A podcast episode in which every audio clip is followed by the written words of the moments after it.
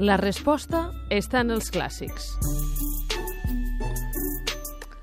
I avui a la resposta estan els clàssics un fragment de la crònica de Ramon Muntaner d'una defensa de Galípoli en el que reivindica el paper guerrer de les dones i el, la valentia de les dones, les dones que són mares i que això ja ens proporciona valentia i coratge, eh, en principi.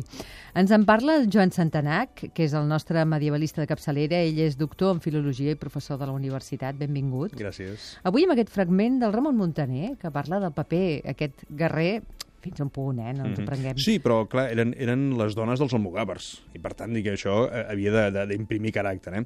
Això en, ens, ens ho explica Ramon Montaner, que quan els almogàvers doncs, van tenir aquell problema amb els, amb els grecs i l'emperador grec, doncs es van instal·lar a, a Galípoli, que és una península defensable, i eh, mentre els eh, almogàvers dedicaven doncs, a fer saquejos pel voltant, doncs les dones i les criatures i totes les famílies residien a, a Galípoli. No? I aleshores un, un noble genovès, que volia estar eh, bé amb l'emperador, va decidir anar a treure els catalans de, de Galípoli. No? I llavors, quan comença l'atac, el, el, el que passa és el que ara, el que ara llegiré. Mm? Diu, van començar a lluitar molt vigorosament, aquests són els genovesos, en ple mes d'agost.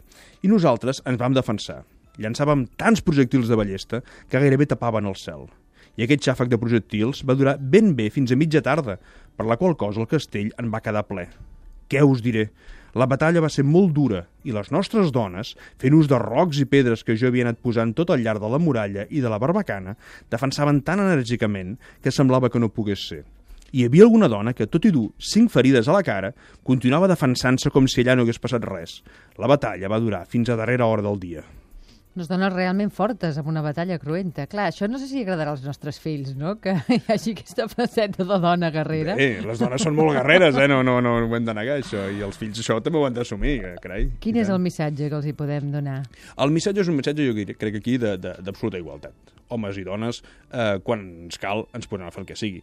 I els homes es poden posar a fer coses pretesament femenines i les dones poden posar a fer coses pretesament masculines. I si cal lluitar eh, per defensar fills i per defensar les seves coses, les dones són les primeres que lluiten. Eh, aquest és un exemple clàssic eh, de literatura catalana, però en podem resseguir molts més llarg de la història. Bàsicament les dones han quedat una mica més amagades eh, pel que fa a la història, per tant, trobar fragments d'aquesta mena, això és una forma de, de reivindicar-ho i de donar-ho a conèixer.